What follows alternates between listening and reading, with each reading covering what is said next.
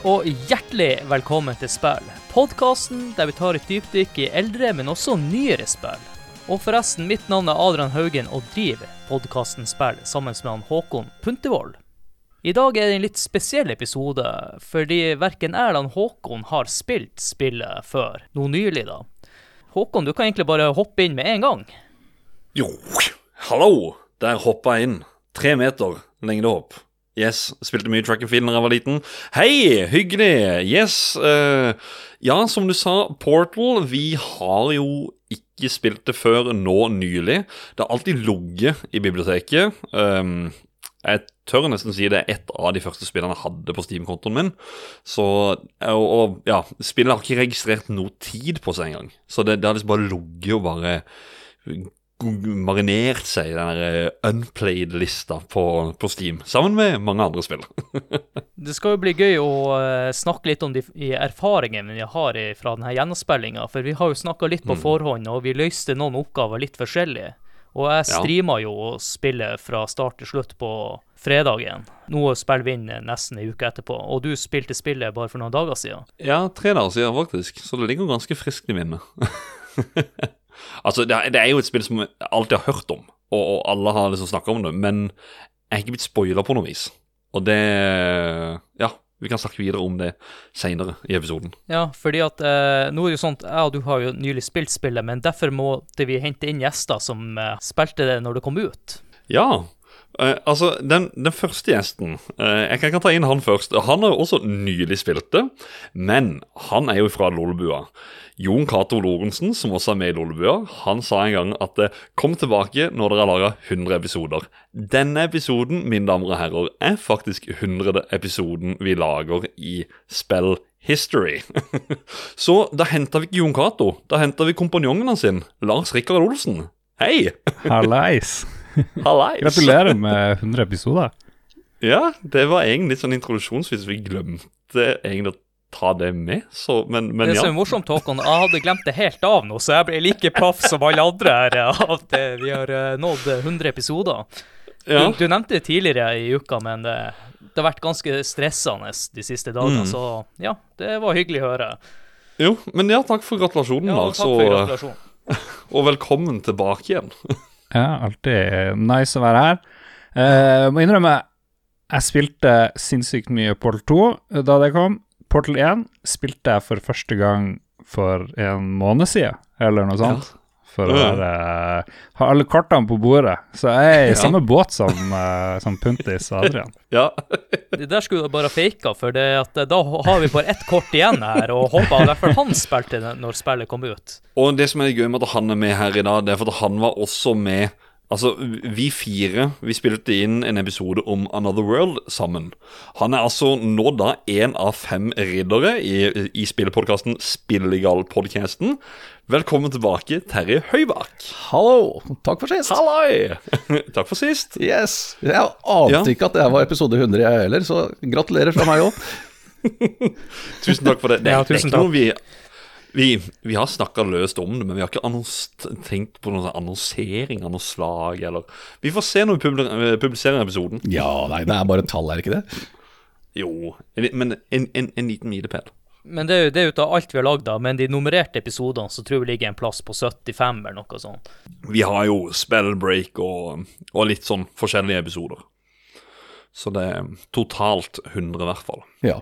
Blir det liveshow når det er 100 proper? Det er kanskje en skummel tanke det, Nei, skummel tanke, hva er det jeg sier for noe? En gøy tanke. Uh, ja, hvem vet? Vi har jo tenkt litt på det, fordi at i år så blir jo også spill fem år. Så det er sånn femårsjubileum. Men jeg tror vi ikke klarer episode nei, nummerert episode 100 den, det her året. Så Nei. vi får velge enten en femårsdag eller en uh, nummerert episode 100-feiring. Men du, Terje, du har spilt spillet fra når det kom ut, cirka. Ja? ja. Jeg, var ikke, jeg var ikke umiddelbart interessert, for det her ble jo lansert som uh, i eh, The Orange Box-samlinga. Ikke sant? Og det var en samling med flere eh, spill fra Valve, og jeg hadde jo allerede Half-Life 2 og de episodene der. Og sånn som Team Fortress 2 og sånn, det er multiplayer-spill jeg ikke er interessert i, så jeg lot egentlig bare det skli. Sånn med en gang. Men så gikk jo eh, ryktene blant uh, druerankene og med alle disse nye memesa og sånt og som kom ut av det Portal-spillet her, at eh, hei, det er kanskje verdt å ta en kikk på likevel. Ja. Så ja, det var, det var verdt det. Ja, og, nå sitter og sier at det er vel verdt det, tenker jeg. Ja, For det vil jeg si at det har vært å, å sjekke ut nå nylig, i hvert fall. Vi diskuterte litt før sending. Vi er jo kanskje litt dårlig å forklare hvordan type spill vi snakker om, spesielt eh, hvis det er noen folk som aldri har hørt om Portal før. Lars, eh, hvordan vil du beskrive Portal? Hvordan type spill er det?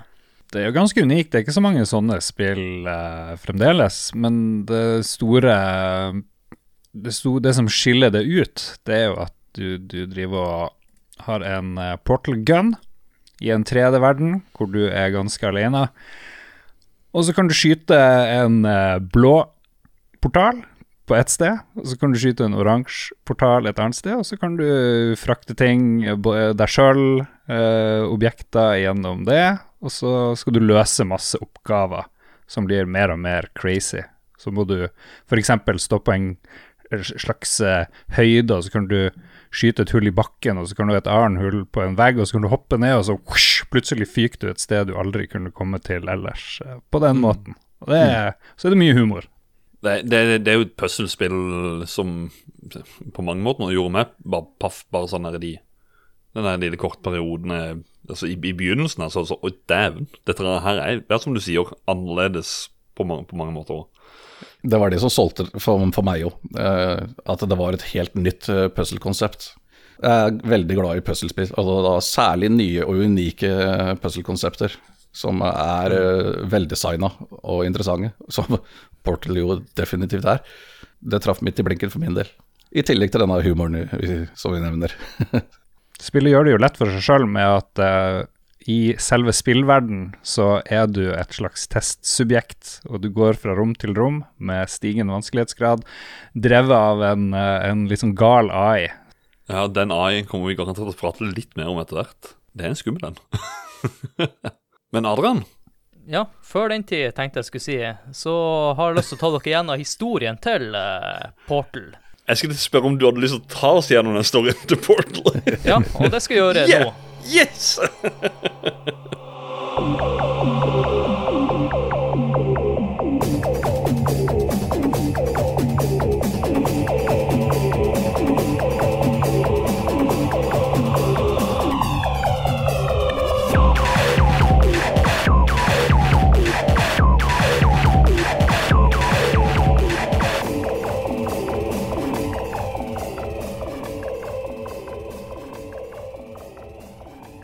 Historien til Portal starter ikke hos Valve. Den starter hos Digipen Institute of Technology i 2004, hvor syv avgangsstudenter kalt Nuclear Monkey Software jobber med sin hovedoppgave. Spillprosjektet de jobber med, heter Nabukalar Drop, og navnevalget var ikke helt tilfeldig. Grunnen var at eh, når noen skulle søke opp dette navnet på internett, så ville kun deres spill dukke opp som søkeresultat. Når det kom til selve gameplayet, så gikk det ut på å navigere karakteren gjennom en dungeon, ved å løse forskjellige typer puzzles. Og det i seg sjøl er ikke noe sånn særlig spesielt, men det var faktisk framgangsmåten. Hvor du skulle komme deg fra A til B ved hjelp av å plassere ut to forskjellige typer portaler. Og de her to var tilknyttet til hverandre, sånn at karakteren kunne teleportere seg mellom de her to portalene. Nå var det sånn at den karakteren du spilte, hadde sine begrensninger. For den kunne ikke hoppe, og navnet de hadde gitt denne karakteren, var prinsesse No Knees. Nuclear Monkey Software jobba med Nabucular Drop i ca. åtte måneder.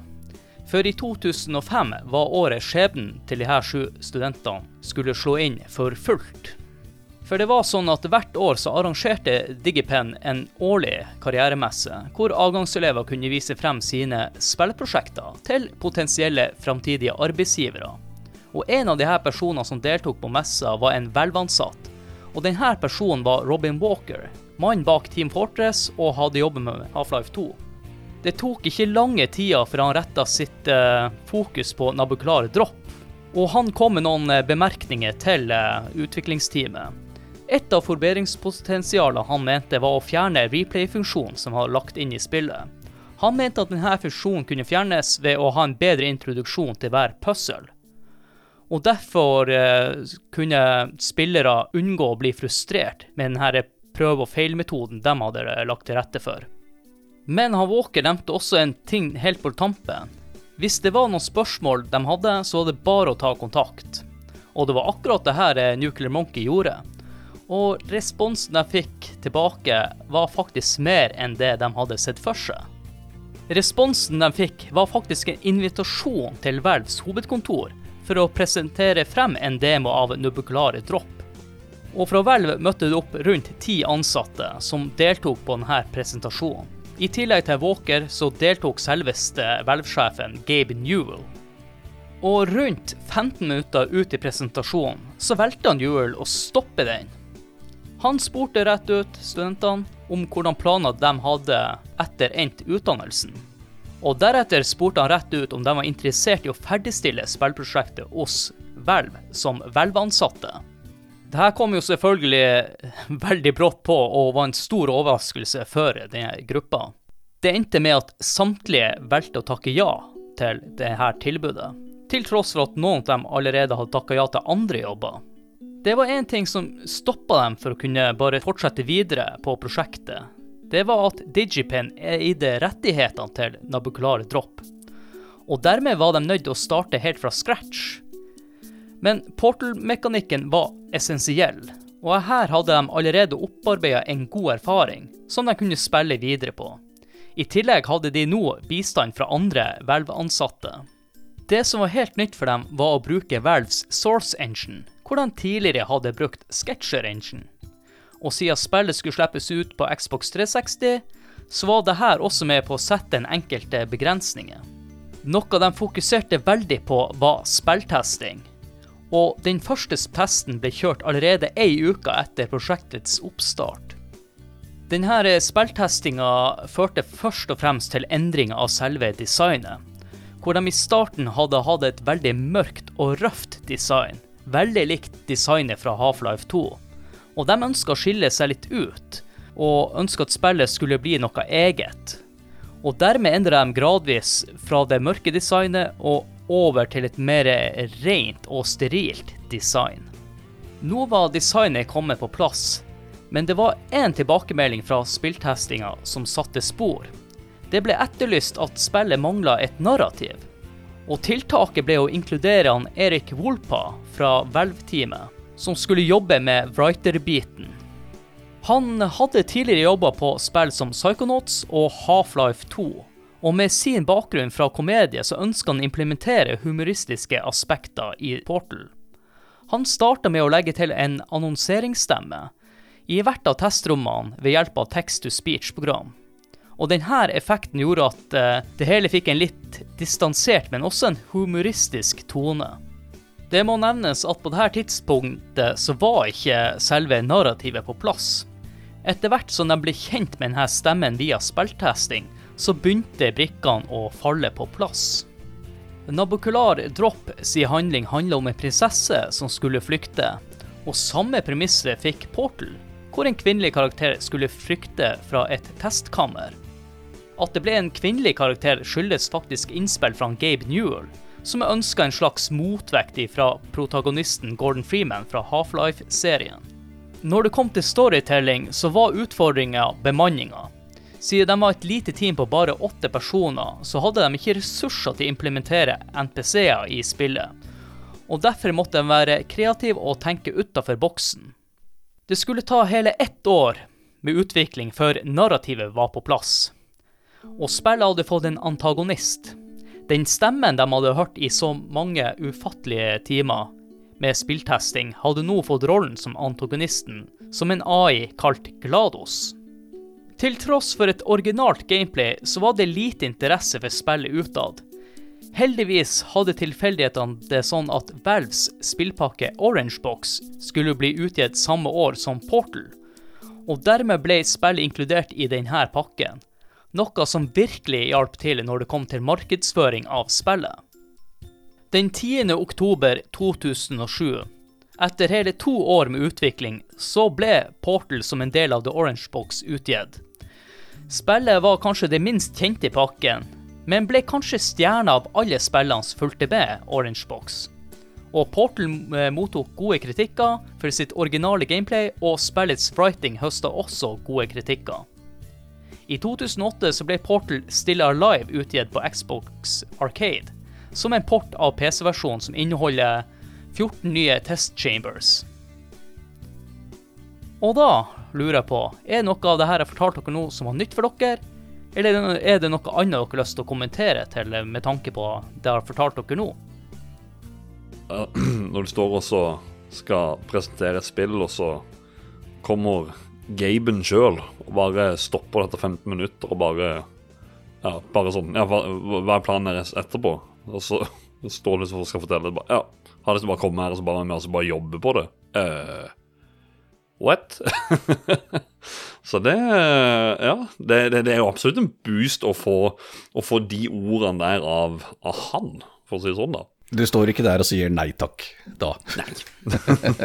Begynner du med kreve, eller kreve litt sånn Ja, vi skal ha 60 av salget. Tror ikke du tør det med han. Nei, ikke sant. Men en annen bakgrunn eh, for at han ga de det her tilbudet, var jo ikke bare fordi at eh, det var et veldig bra konsept. Det var jo også det at denne gruppa var så godt innarbeida i tillegg, Ja. som eh, gjorde at han tenkte at det her var det noe med det også, ikke bare konseptet, men også selve teamet i seg sjøl hadde en verdi, da. Jeg har lest denne historien her eh, i hvert fall flere ganger før. For det er jo en ganske interessant bakgrunn, et, et interessant spill. Men jeg, vet ikke om eh, skribenten som eh, skrev historien, om han var med igjen da. I hvert fall det var en fyr med lang tidligere erfaring. Altså De kom ikke rett fra De var ikke amatører da, de, da de sto der og presenterte dette her hos Valve. Det kan godt hende at de her hadde jobba med spill, eh, det har ikke jeg sjekka opp. Det er litt sånn, når man gjør research, så kan ikke gå helt og dykke til de var fødselsattester. Nei, ikke sant. Stemmer. Men de Ja. var ganske dyktige. Og også Kim Swift her, eh, det er heller ikke nevnt, det var jo hun som egentlig fikk dem inn på denne Portal-ideen. For hele Portal, eller Nubukalare Drop, som alltid sier feil, Ja. det starta jo egentlig med en, en slags hide and seek-idé, da, som Mm. utvikla seg derifra. Så Kim Swift, eh, hun, hun som foreslo det med Portal, og at du kunne se gjennom de vinduene. Det her med det andre spillet var jo også at det så helt annerledes ut. Det var mørke vegger. Det er litt som å grave i hule i Minecraft, hvis du ikke bare graver ei eller to blokker. Så, så det var ganske lav space oppunder taket. Og de her portalene så ut som eh, sånne monsterkjefter du gikk gjennom. Ja, stemmer. Jeg husker jeg har sett bilde av det. Klarte ikke å, å finne ut om noen plasser der jeg leste, så ble de aldri ferdig med det. Men jeg har også lest andre plasser at spillet kom ut i 2007, men da tror jeg den andre som var ferdigstilt det. Ja, det var- endte opp å være veldig kort. Bare noen få puzzles, og, så, og det var det. Så det var eh, Puzzlesene var ikke så særlig bra heller, og kontrolleren alt var litt janky. Men det Ja. var jo den her ene portal, eller portalideen da, som ingen hadde sett før. Men det ser man igjen. Én ting du kan gjøre i Portal, er å spille gjennom eh, Developers Commentary på. Få høre kommentarer direkte fra utviklingsteamet, hvordan de gikk frem, og hvordan de tenkte, og, og hvilke utfordringer de møtte underveis. Og se det demonstrert foran deg. Og da skjønner du jo at de har, de har gått gjennom mange iterasjoner av uh, spillet før det, før det sto ferdig, altså. Så, og mye testing og for å se hvordan spillere eh, sitter fast, eller hvordan, hvordan de klarer å ødelegge sekvensen. De gjør ting de de, ja, de, de bryter sekvensen i puzzlet. De bare skipper halve puzzlet fordi de gjør et eller annet som utvikleren ikke Ja. tenkte på, osv. Og, så og sånne ting. Så, så det var jo det en erfaring jeg henta ifra, som tok med i Portal. Som Ja. jeg sa, det gikk jo ei uke fra han starta til han begynte med spilltesting, så han kjørte jo spilltesting hele tida. Og Ja. tok til seg alle tilbakemeldingene. Som uh, førte til store endringer, som jeg sikkert blir går litt nærmere inn på litt seinere i denne episoden, da. Jeg lurer på om jeg leste et sted at, um, at Valve uh, generelt lot de her eh, folkene være litt sånn i fred. For de hadde vel ikke lyst til å, å påvirke dem for mye, for å kunne lage sine egne greier. Men så, så, så vet jeg ikke om de om det var bare en unnskyldning, og at alle andre var opptatt med noe annet, og så bare sa de ja, ja, kjør nå bare på, og så ser vi hvordan det går. Greia med Hvelv var jo også på den tida at folk kunne jobbe litt med de prosjektene de sjøl ville. Eh, nå skal vi ikke snakke så mye om Portal 2, men uh, jeg kan trygt si i Portal 2 så var det bra mange flere utviklere enn i Portal 1. Ja. Så jeg, jeg tror det er litt det du sier her. Lars, at uh, de andre jeg tror ikke de brydde seg så mye. Sånn, her kommer en gjeng med studenter og ferskinger. Det, la dem bare holde på med det tullprosjektet sitt, og så har de henta inn én kar fra Valve, fordi de hadde jo ingen writers. Det var jo syv eh, avgangselever, og tre av dem kunne programmering, og så var det fire av dem som kunne design. Det var jo når han han uh, Walpole kom inn i bildet, at uh, spillet begynte å få mer story og, og den biten, da. Ja, det var han jeg tenkte på når jeg snakka om at noen av de har, eh, hadde en god del erfaring fra før. Men det var kun han, og så hadde jo noen støttespillere som vi eh, skal komme nærmere inn på, sånn som stemmen til Gladosen og, og musikken, da, selvfølgelig. Men det er Ja. ikke mange som er innblanda totalt i det spillet her, og det er ganske imponerende. Det, det er jo et eh, slags indiespill vi skal snakke om i denne episoden. Ja, på mange måter. Men uten han der Volpa-kisen, så hadde det jo blitt et helt annet eh, spill. Tenk eh, det, de, gjør det jo enda morsommere i Portal 2, som vi ikke skal snakke om. Men Portal 1 jeg synes det er hilarious. Det er så mye små ting som, som er utrolig gøy. Bare de her lydene fra de her turretsene, sånne autoturrets, som driver Å, hello. De prøver liksom å få kontakt med deg. Og, og, og de liksom animasjonene, animasjoner i starten eller rundt uh, heisene du transporterer deg rundt, er litt sånn her uh, helt crazy, hvor liksom de illustrerer alle de rare tingene som skjer uh, Mm. i spillet. Men har dere lagt merke til at det, det er ikke noe cutscenes i spillet? Nei, det er jo bare at du Altså, du går inn i heisen, og så eh, På noen parter så er det loading som kommer opp ifra, ifra gammelt av. Sånne gamle Source-spill så var det veldig at det, det, Eller Source Engine det det er veldig mange av spillene som hadde sagt Ok, nå skulle de loade, da stoppa bare spillet opp, så kom det opp en liten rute i spillet som sa 'loading'. Eh, Ja. Og så fader du ut i sort to ganger, tror jeg. Det er vel det. Ellers så er det jo svært lite cutscenes, ja. Ja, det er vel kun slutten, vel. Sluttsekvensen. Men jeg skal fortelle dere årsaken til hvorfor det er så lite cutscenes. Ja. Det er for at han Erik Wolpa hater dem, rett og slett. Ja. Kan ikke fordra cutscenes. Beinhardt. I, I want to make that game, but no cutscenes. Det var, ok, ok, ok. Men det var kanskje også noe erfaring de tok med seg, eller fikk fra Valve da, og Half-Life. For eh, der også sørga de for at spilleren hadde, var i kontroll av spillkarakteren konstant hele tida, selv i storysegmenter. For det er jo storysegmenter i Half-Life, ja, men eh, du mister aldri kontrollen over figuren. Det, det, det blir så aldri noen, noen cutscenes hvor kameraet flytter seg. Det er jo bra du nevner story og den biten, Terje, fordi at Håkon, du må jo ta oss gjennom plottet til Portal. Det må jeg. Det er egentlig ganske simpelt fra det øyeblikket hvor du starter. Da, våkner du som hovedkarakteren Kjell. Du ligger i en sånn ja, du kan det nesten føles som en sånn fengselsbås på en måte. I, litt sånn futuristisk lab-aktig. I en bygning som heter Aperture Science. Det er egentlig få sekunder etter så blir du introdusert for den AI-en som vi snakker om, Gladys. Og ja, så forteller du at du skal gjennom en rekke puzzles, eller tester. Så skal du gå videre, og så er det egentlig litt sånn Ja, da kan man egentlig bare hoppe frem og så bare si at det, det er ikke før et stykke ut i spillet at det Oi, her er det mer til det enn bare puzzles. Og det, det er jo noe underveis hele tida. Sånn her Gnedes Gladys prater til det og sånne ting, men ja, litt sånn som, sånn som du sa i stad, Lars, med at, at ting er sånn at det, det, det er funny ting som du, du oppdager underveis. Og det, det oppdaga jeg med spillet, at det var en sånn derre Jeg begynte å høre mer og mer og mer på hva Gladys sier for noe. Jeg satt inn på Discord når jeg begynte, og bare Jeg fulgte ikke med i det hele tatt. Og så var det bare Jo mer og mer hun prata, jo mer og mer fulgte jeg med på henne. Dreit i hva Adrian og, og, og de andre som spilte der inne, hva, hva de sa for noe. Full fokus på spillet. Det som er viktig å nevne, er jo at eh, Portal foregår jo også i Half-Life-universet. Og spillet foregår imellom Half-Life 1 og Half-Life 2, så år 2010. Mm. Og så har jeg en liten fun fact her, da, at Aperture Science Lab ligger i delstaten Michigan. Oh. Ikke i Oslo.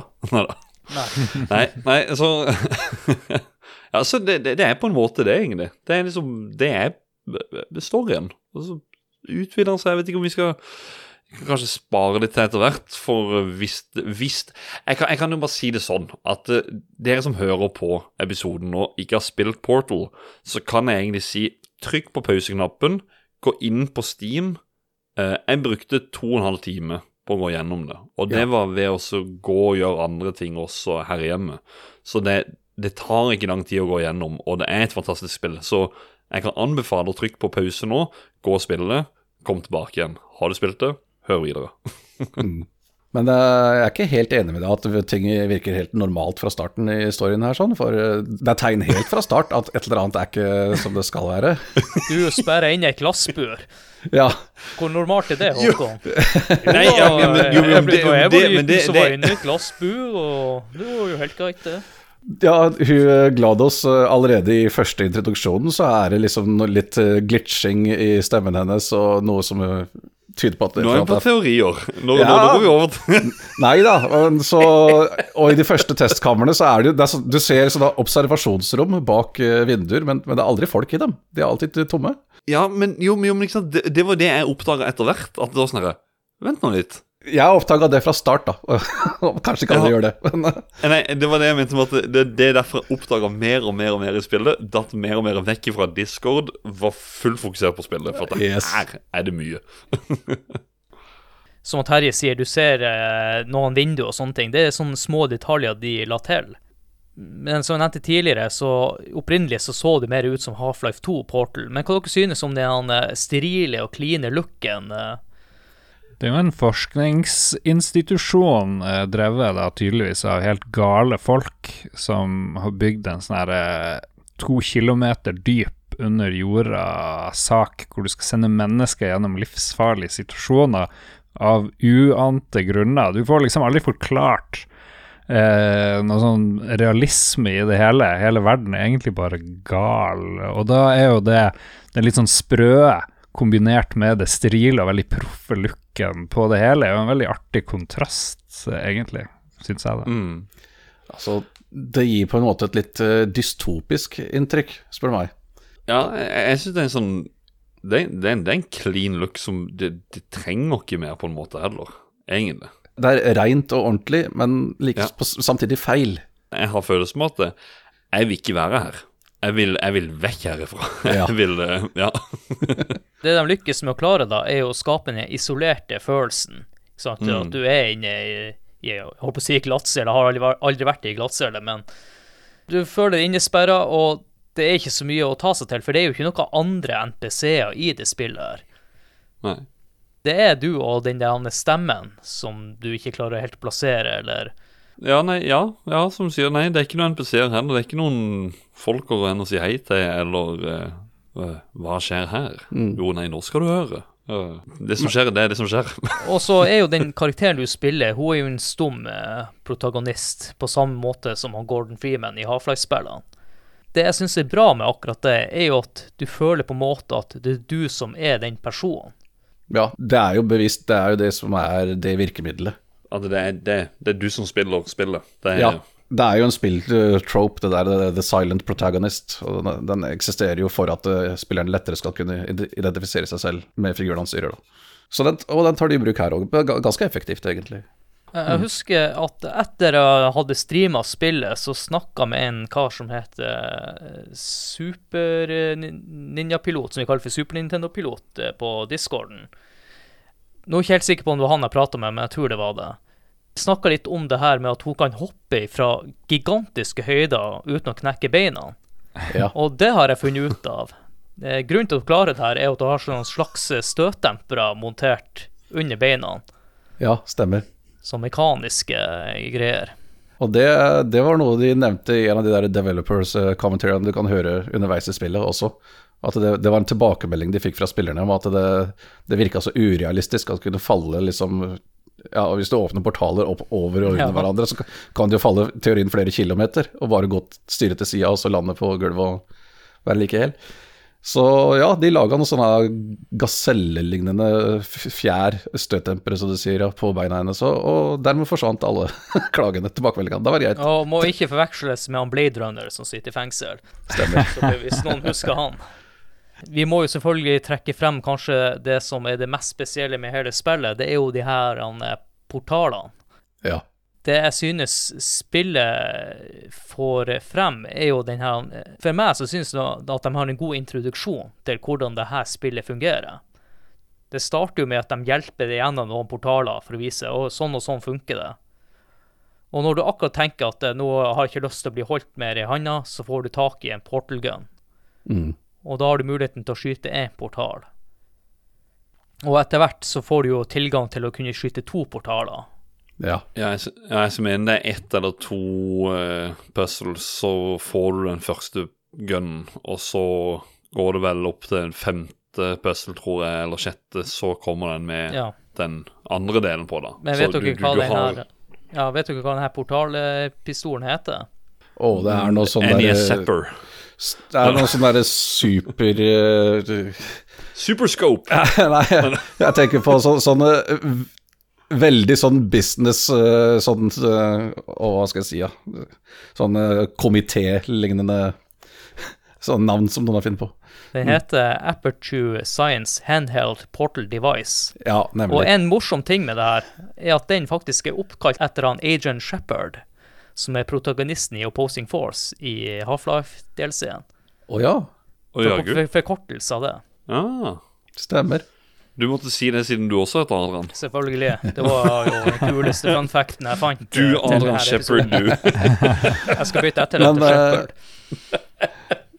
Men ja, progresjonen på puzzlene som du snakker om, er eh, veldig gradvis. Og det er ikke, egentlig ikke et eneste puzzle som uh, eksisterer bare for å være et puzzle. Hver, hver eneste en er der for å liksom lære deg konseptet med hele disse portalgreiene, sånn gradvis. Eh, Og sakte, men sikkert. Og mye av det har jo selvfølgelig kommet fram med, med alle denne testinga de gjorde. At uh, ok, de ser, ok, spillerne her skjønner ikke den greia her. Så så da designa de et nytt puzzle som de la inn mellom to andre de hadde fra før, bare for å hjelpe spillerne til å forstå, forstå konsepter, f.eks. Det var en de nevnte som at eh, spillerne hadde en tendens til å ikke forstå at eh, du kunne gå gjennom portalene begge veier. For, mange, I begynnelsen så trodde mange spillere at eh, den blå, du kunne bare gå inn i den blå og komme ut av den eh, oransje. ikke sant? Og dermed, og dermed så designa de et puzzles hvor du, hvor du var nødt til å, å gå andre veien også for å løse det. ikke sant? Ja, det, faktisk, det, det, er, det er egentlig gøy at du sier det, for det beit jeg merke i. at eh, men det, men det er litt sånn naturlig pga. muspekeren at jeg først trykker på venstre, så på høyre. da. Høyre er jo oransje, og, og venstre er den blå. Ja. Så jeg har liksom alltid trykka blå der jeg skal inn, og så trykker jeg da på høyre til der jeg skal. Og jeg beit meg merke i akkurat det du sier her, at det, jeg følte alltid på at det var blå jeg gikk inn i. ja. Det som er litt spesielt med denne med Portal Gun, er også at den har hatt veldig mye utvikling. I starten så ut, så den litt mer ut som eh, Gravity Gun fra Half-Life 2. Etter hvert som det skiftet over til designet som vi kjenner i dag, så hadde også det eh, siktet eh, litt annet design, med å vise hvordan portalene som var åpne og ikke åpne, og den hadde Ja, litt mer informasjon enn det de endte opp med, da. Når du først skal plukke opp den portal gun, så kommer du i et rom, og så er det piler på alle fire retninger mot den gun. For den står på en sånn pidestall, og så snurrer den litt rundt, og så skyter den et, eh, en portal. Jeg var så dum, jeg skjønte ikke at jeg kunne plukke den opp først, så jeg drev og lurte veldig på hva var- Jeg lurer på om det bare var sånn tilfeldig at jeg bare var borti den, og så bare ah, ja, det var her jeg skulle få den gunnen. Å ja, det var den, ja! Så det var en sånn eh, IQ 40-moment der. ja, for du, du plukker den jo opp automatisk bare du går bort til den. Du trenger ikke trykke Mm, ja. på noe eller noen ting. Men, men du er unnskylder, for du, du har ikke nevnt det, men du spilte det jo på Switch. ja. Ja. Ja. Eh, Så da er man unnskyldt. Nei da. Jeg har ikke bra nok drawing distance, skal du si. jeg har jo Jeg venta jo i uh, 18 år, for jeg tenkte jeg, jeg spiller veldig lite på PC, og jeg gidder ikke å spille gamle konsollversjoner av Portal 1. Jeg prøvde å spille Portal 2 på Xbox Series X, men det var fremdeles veldig elendig, egentlig. Men så kommer jo plutselig eh, Portal Companion, eller hva det heter, på Switch. Og, og der har, er det noe som heter Nvidia Lightspeed Studio, eller noe, den greia, noen sånn inhouse eh, Nvidia-karer, som jo har lagd eh, innmaten, mye av innmaten til Switch, så de har liksom gjort en sånn helt sinnssyk portejobb til uh, Mm. Nintendos uh, plattform, og det, det er helt magisk. Det er 60 frames de luxe og fine kontroller, og alt funker bra for de som lurer på det. Mm. Det som er litt skummelt med å spille Portal, er jo sånn som når jeg streamer det. ikke sant? Jeg har aldri spilt det før. Eh, sånn puslespill og sånne ting er ikke noe som fenger meg. Sånn. Nei. Jeg må si jeg ble ganske imponert over det spillet her, med tanke på sånn som vi snakker om det her med måten de introduserer nye chambers Jeg tror det er vel 19 cha test chambers til sammen, da. Og jeg føler at progresjonen er jevn. Det er ikke sånn at du går i ett rom, så det, det er vanskelighetsgraden ti ganger høyere. Men jeg tenkte Nei. litt på det her med Lars sa det, at han ikke tok den han portal gun i starten, er jo det er skummelt å streame sånne her spill, om folk tenker faen, er han fyren der fette dum, eller eh, ja. Men ja, så, så ja, det er litt men- sånne ting som stresser meg. Må aldri streame puslespill. Uff a meg. Og så og så er det jo for det, ja, Men jeg hadde samme tanken, bare da, Det er et annet puslespill. Det er jo The Room. Jeg tenkte sånn, hm, Det er sånn kosespill å streame. Og så bare Nei, vent nå. Nei, det er det kanskje ikke. For det er sånn er, er du helt kål i hodet?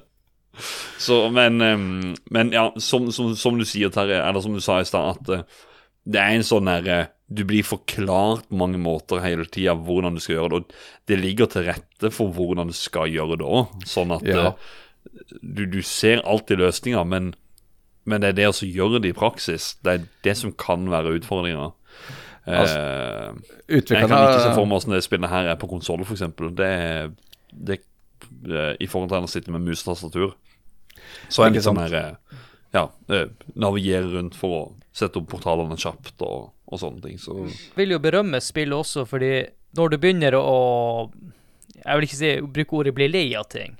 Den klarer alltid å introdusere noe nytt, sånn som det er light orbs. Du skal eh, få dem eh, igjennom ei løype eller noe sånt.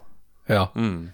Eh, når du begynner kjenner ah, OK, er det nye puzzles, så plutselig introduserer de turrets, som er, er, er livsfarlige, men også litt nusselige. Snakka litt om det i stad, Lars. Ja, ja, de er koselige.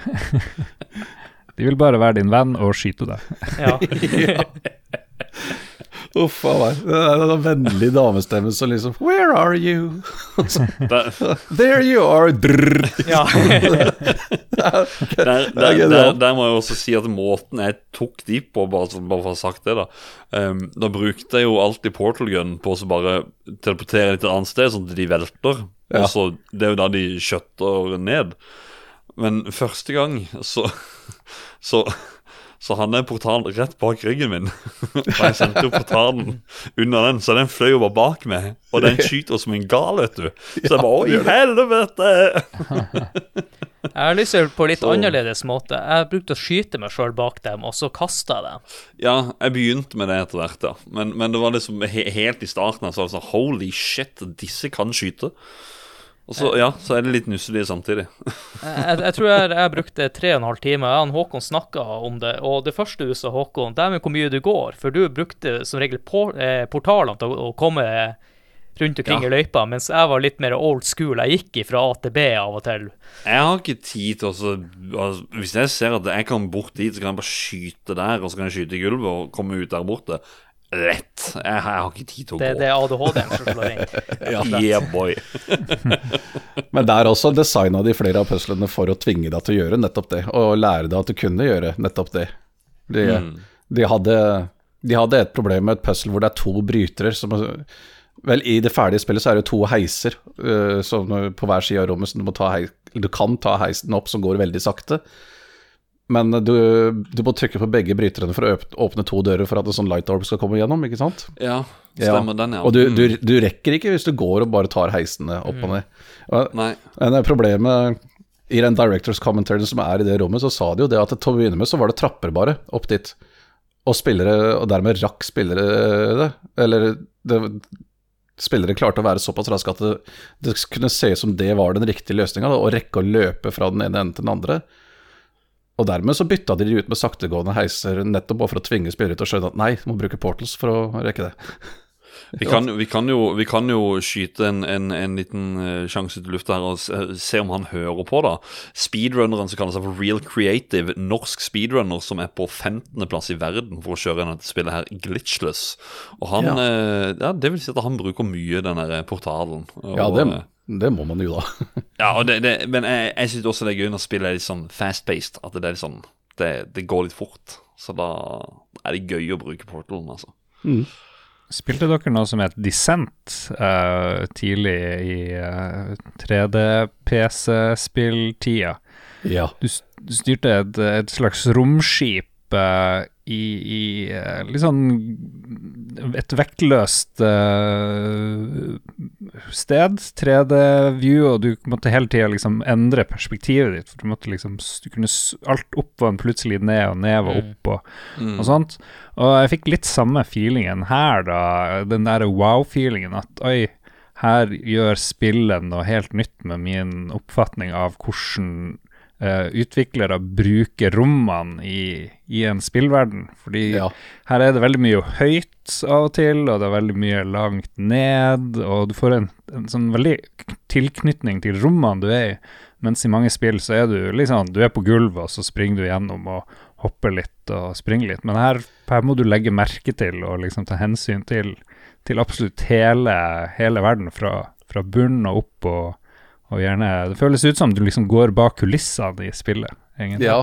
Og når du da i tillegg kan uh, bruke portaler, da, bare å gå gjennom en vegg og komme ut et helt annet sted uh, i disse her rommene og sånn, det, det krever jo at du har uh, ja, hva hva er et godt norsk navn på god spatial awareness, er jo det jeg tenker på. Bare. Romfølelse. Ja, Ikke sant? ja, ja, rett og slett. Altså Hvis du er av den typen som har en tendens til å gå deg fort vill i 3D-spill, fordi så, så kanskje du kan få litt, få litt problemer her. Men Men du nevnte det med kulisser, Lars. Tenker vi skal ta oss litt videre i episoden. Så er det jo noe som skjer etter hvert i spillet. Når du begynner å bli litt lei de her han, eh, looken og tenker at uh, nå er det litt for lite variasjon, så plutselig så glimter de til med at uh, nå er du bak kulissene. ja. Nå, nå, nå, hvis dere som ikke har spilt spillet, nå må dere ta pause og gå og spille spillet. For det, det, er nå ting skjer i spillet som bare sier what? for det er det at du Du blir basically sendt til døde. Uh, jeg fikk flashback til Ja, Dere har sikkert ikke sett den filmen, men det, det har jeg. Og jeg ble sånn What er det som skjer nå? Toy Story 3. Du er mot flammene. De er på vei til å dø. Alle, alle, alle er ferdig. Holy shit. og så kommer da eh, Brukeren av portal gunnen kommer vekk fra disse flammene. Så sier Gledos det at eh, Nei, eh, ha- ha-ha, det var bare ment som en spøk. Vi, eh, vi skulle bare late som at vi skulle drepe det. Eh, men eh, så gjorde vi ikke det. det var bare en gøy spøk. Eh, din psycho-AI. Hjelp. Ikke sant? Vi er nødt til å nevne én ting eh, før det, for Glados setter oss gjennom en annen test. Og vi hadde nok blitt drept hvis vi ikke hadde nevnt det her. Og det er den der companion-boksen oh, ja. som eh, du blir introdusert for uh, før denne tida. Der du har en nusselig boks med hjerter på. Det er noe som er Toy Story. Nei. Som du må nødt til å bruke til å hjelpe deg med å løse forskjellige puzzles. Ja. Ja. Og til slutt eh, så ber jo Glados deg om å kvitte deg med denne eh, boksen, fordi at Ja, det det er det. eneste måten å komme videre på. Og det er jo egentlig en litt sånn spesiell ting de spiller på, og det er jo det her eh, vi snakket om tidligere, den isolerte følelsen, rett og slett. Du begynner å bli tilknyttet den boksen her, og var det vanskelig for dere å hive den i lavapitten? Nei. Jeg er et monster. Jeg har ingen skjell, Så Jeg håper du redder oss nå, Lars, for jeg var også litt som de andre guttene her, at jeg, ga, jeg brydde meg ikke. Ja, nei, det, det, man, man får jo de, de tvinger jo frem litt sånn empati for den der kuben, ikke sant. Og, og du, det virker som om du har et valg, men du kommer jo ikke frem i spillet hvis du ikke gjør det. Og med en gang du har sluppet nedi, så får du jo dommen om at du er et monster, eller hva det er GLaDOS. Ja. eh, Jo, altså, men hun, hun sier jo også på et tidspunkt at du eh, du, du skal ikke prate til boksen eller et eller annet. Du, Ja. det, det er noe med at hun, hun hinter til at du, du, du skal ikke kommunisere med boksen. Eh, ikke, ikke snakk med boksen. Så Nei, ikke sant? Bo boksen, boksen, ikke? boksen prater ikke. Hvis, hvis du hører boksen prate til deg, så ignorer den, eller noe sånt. ja, ja, ja, så det er liksom sånn øh, Hjelp. Det er jo en grunn til at de la til den boksen her. For det her var jo en mekanikk de ønsker å spille på, og se hva isolasjon vil gjøre med den lengden. Det var litt sånn happy accident også, for eh, den banen hvor, eh, som har denne companion cube, du, du får jo den med en gang i starten av banen, og så må du ha den med deg hele veien gjennom for å åpne dører med brytere og så. Og i starten så var det bare en helt vanlig boks, så eh, de hadde et problem med at spillerne når de åpna den første døra, la den på den første bryteren de kom på og gikk videre, så tok de ikke med seg boksen videre, for da trodde de de var ferdig med den.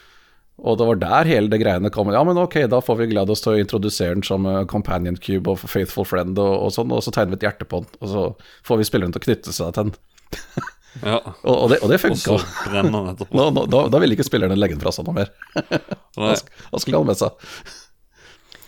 Men eh, videre ute i spillet, som han Håkon nevnte her, når uh, du kommer bak kulissene, så oppdager du jo at uh, det har vært flere testobjekter, og noen har jo skrevet noe på en vegg som, eh, som har blitt en kjent ting i ettertid. Ja. The cake is a lie. Ja, for de er jo glade, og så driver vel og lokker med noe kake, gjør du ikke det? Ja, Eh, jo. Så finner du sånne tegner på veggen. The cake is a lie. Ja. Og det cake-greien er jo en intern joke i det her eh, utviklingsteamet, da. Og den kaka får du faktisk kjøpt eh, en eller, plass, en eller annen plass i USA, som de har designa en kake etter. ja, de bare Nice. gikk på det lokale bakeriet, og så så de den som de syntes så god ut, og Ja. designa etter den. Var det ikke noe sånt? Ja, stemmer. Det var noe sånn, ja. Ja. Utfordringen med denne gjennomspillinga, spesielt når jeg streamer, er jo at når du streamer, så må du jo underholde de som, skal, som følger med på streamen. Så jeg fikk ikke denne her, eh, relasjonen til GLaDOS på samme måten som kanskje dere fikk. Nei. Sant? For, det, det er ikke, eh, for meg så var det ikke bare bare å høre etter hva hun sa. Hm. da har du jo Nei. mista mye, egentlig. Ja, det er litt trist å tenke på. Ja, for det, det, det greia var eh, Jeg skulle si at eh, du Adrian kommenterte det For at ja, jeg spilte jo samtidig som jeg satt på Discord, og da var det sånn Jeg fulgte ikke med på Discord, jeg fulgte med på spillet hele tida. Og så når jeg da var på vei til å havne ut i ut i denne flammepitten her og, og var på vei til å bli drept, så var det sånn herre Oi, helsike, hva er det som skjer nå? Og så går jeg liksom videre, og så spiller hun videre på det at du du, eh, de skulle bare late som at de skulle drepe deg, og så begynner du bak kulissene, og så ser du de vinduene som du nevnte, Terje, at eh, du har, du har kunnet sett alt dette her fra starten av. Og det var mest da det gikk opp for meg, bare Hva er det som skjer? Og da sa du, Adrian, at bare Jeg skulle ønske at jeg hadde reagert på akkurat samme måte, for jeg holdt på å dette av stolen, bokstavelig talt. Ja, jeg må, må innrømme det. Derfor jeg er litt sånn eh, asosial på serverne her noen ganger, og uh, ikke deltar så mye på Voice, er fordi jeg, hvis jeg sitter og spiller spill, så vil jeg fokusere på det, og ikke, Ja. ha, ikke ha masse andre folk og samtaler på øret ved siden av. Du er unnskyldt. Det, det, det, jeg, jeg klarer ikke. Nei. Det virker jo som at det jobber veldig mange folk på det her Aperture-bedriften som du driver og risikerer livet ditt på. Det er jo masse masse kontorer og observasjonsvinduer. Så når du nå kommer bak kulissene og bort fra de sterile greiene, og det er litt mer sånn Shabby. ja, shabby, så Ja. begynner man jo å lure på hvor er alle folkene blitt av? For det er jo ingen lik. Det er ingen liksom Har de bare stukket av, eller er de liksom alle droppa ned i lavaen? Jeg vet ikke, får vi noe svar? Du vet jo hva som har skjedd siden det foregår i Half-Life-universet. Hva som skjer Ja. eh, i Half-Life 1. De blir invadert. Ja, stemmer. Ja. Kan jo også være sånn Ville du ha blitt igjen med en gal robot, eller prøve å, å flykte? Ja, og så begynner jeg å lure på hvor, hvor lenge har dette her pågått? Egentlig? Ja. Hvor, mange, hvor mange år har det gått? For når, når det kommer bak kulissene, så er jo alt falleferdig og rustent. Mm. Altså den, den første ståltrappa du skal prøve å gå opp, den faller jo fra hverandre, så du må bruke en portal for å komme deg opp. Og det er jo det første Oh shit, dette her er jo gammelt og rustent og ødelagt. hvor, lenge har dette her pågått, egentlig? Når du sier det, Terje, så kan jo umulig ikke sant, eh, først, Handlinga i Half-Life skjer vel rundt 98, og det, ei trapp ruster ikke på tolv år. Så Nei, ikke sant? Metall, innendørs metalltrapp, så her er noe som kommer på greip, eh, hvelv.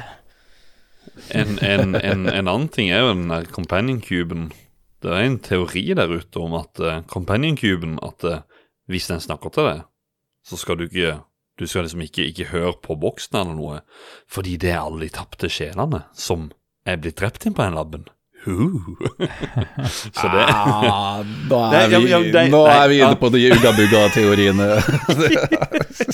Det er mye okay. til det. Jeg, jeg, jeg, jeg vet ikke. Det var bare en teori. Jeg syns teorier er gøye. Men eh, jeg skal ikke dra oss inn i det. Det har vi gjort en gang med Final Fantasy 7 Remake. Aldri mer Så, igjen. ja.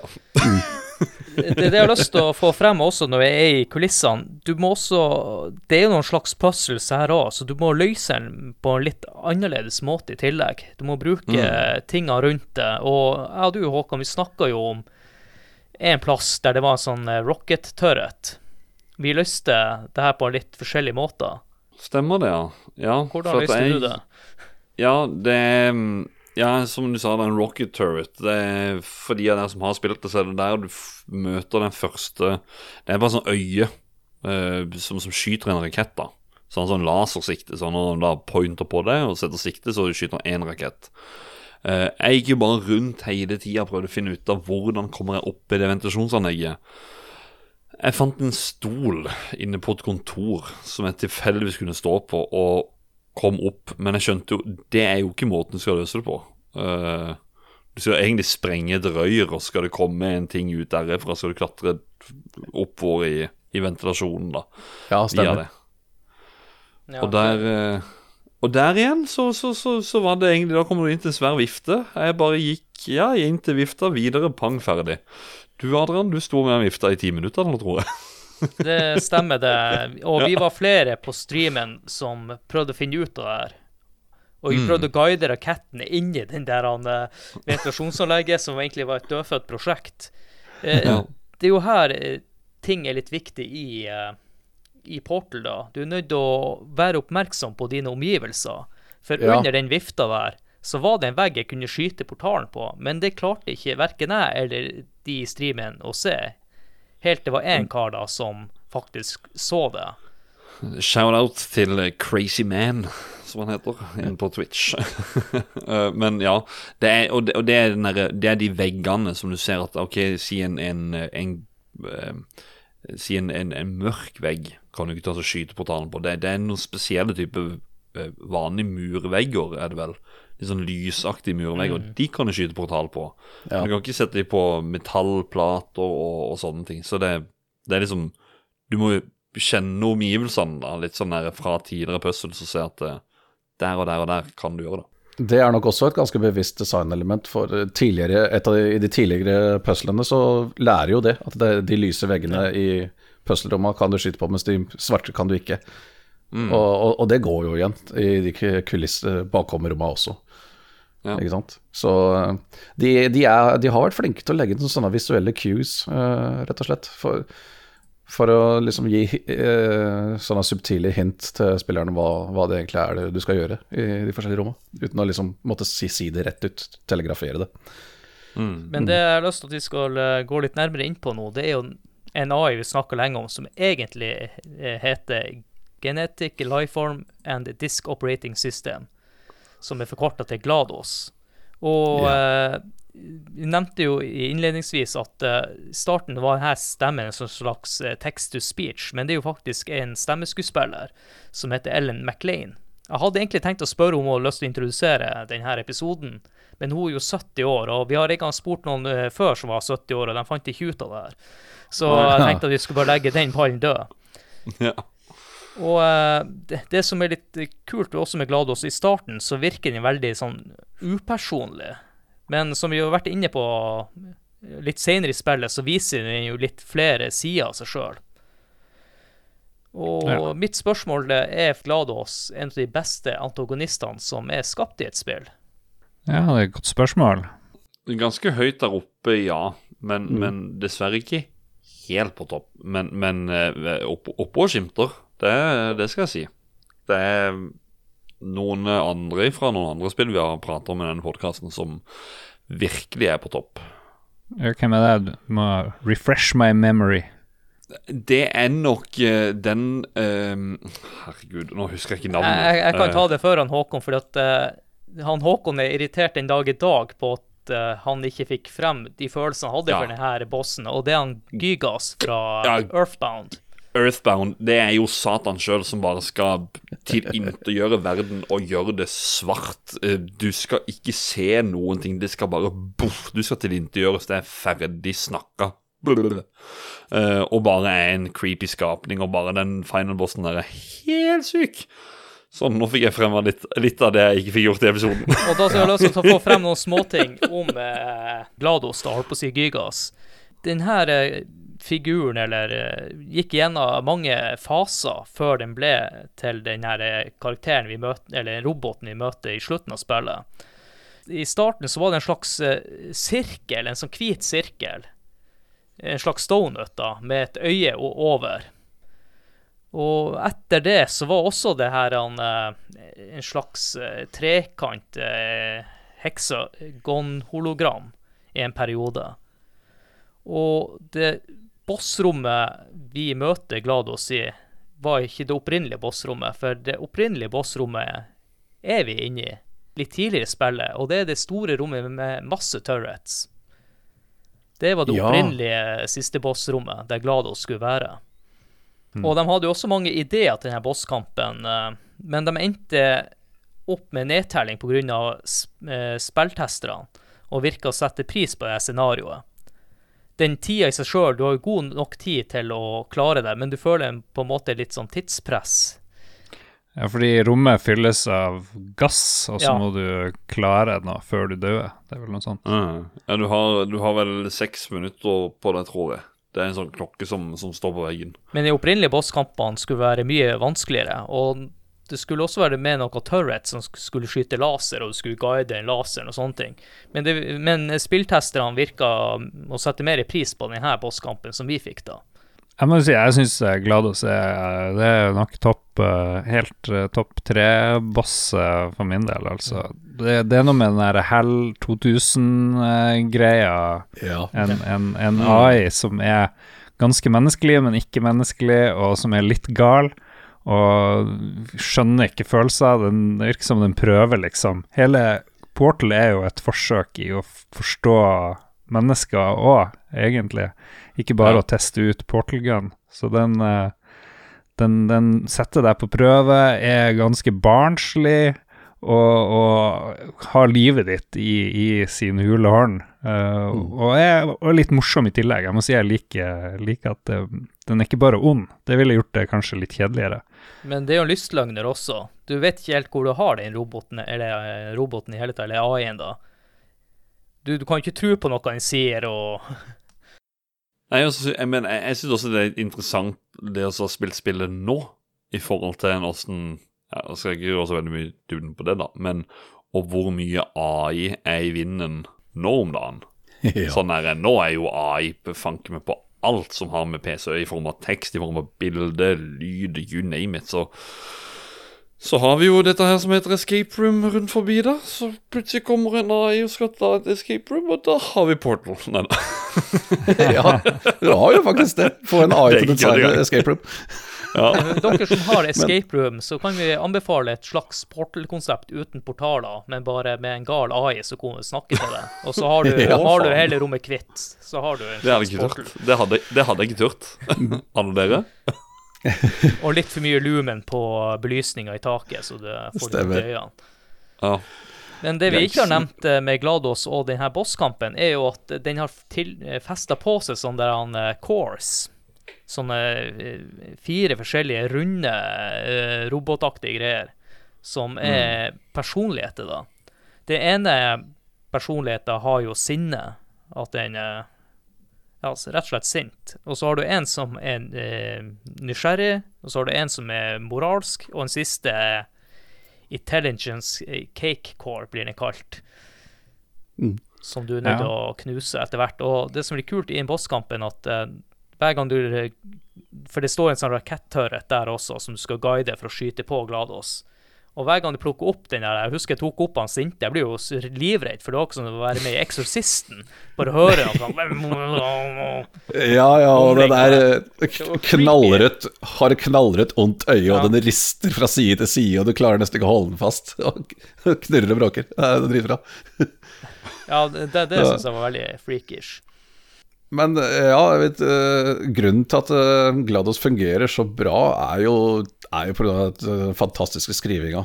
Og, og at det er så, så godt skuespill. For ellers, utover det, så er jo eh, Aleina mot en gal eh, kunstig intelligens er ikke egentlig et akkurat originalt konsept. Var jo ikke det da heller. Det, det, det må man jo si. Så hadde ikke skrivinga og skuespillet vært så bra som det er, så hadde det vært mye mer forglemmelig, eh, vil jeg tro. Ja, det tror jeg også. Jeg tror det har vært for ensformig å bare gå og skyt, eh, skutt i portalene der uten mål og mening. Det, Ja. det gir spillet en liten nerve spillet trenger, og, og som Håkon sa med spillengden, jeg syns det er en perfekt spillengde. Mm. Det er litt du, du blir flytta over til nye omgivelser rett før du tenker at eh, nå, nå har jeg fått nok. Så, Ja. så, så hold deg på tå hev hele tida, og det syns jeg spillet lykkes veldig med. Og det er bare synd mm. at spill i dag, og alle skal prøve å ha dem så forbanna lang. Ja, jeg er helt enig. Ap ja, apropos det, så kan, kan jeg jo si at uh, jeg, har- jeg har ikke spilt oppfølgeren uh, Terje, har, har, har du spilt det? Hvem da, sa du? Port Portal 2. 2. Ja, det har jeg. Ja, ok, for, altså, du, du og Lars, det, dere har spilt det Altså, det er jo mye lenger igjen, da, enn en, uh, Portal 1. Ja, de sier tre til fire ganger så langt, Ja. cirka. Mm. Jeg er spent. Så- Jeg har jo planer om å Jeg har litt lyst til å streame det, da.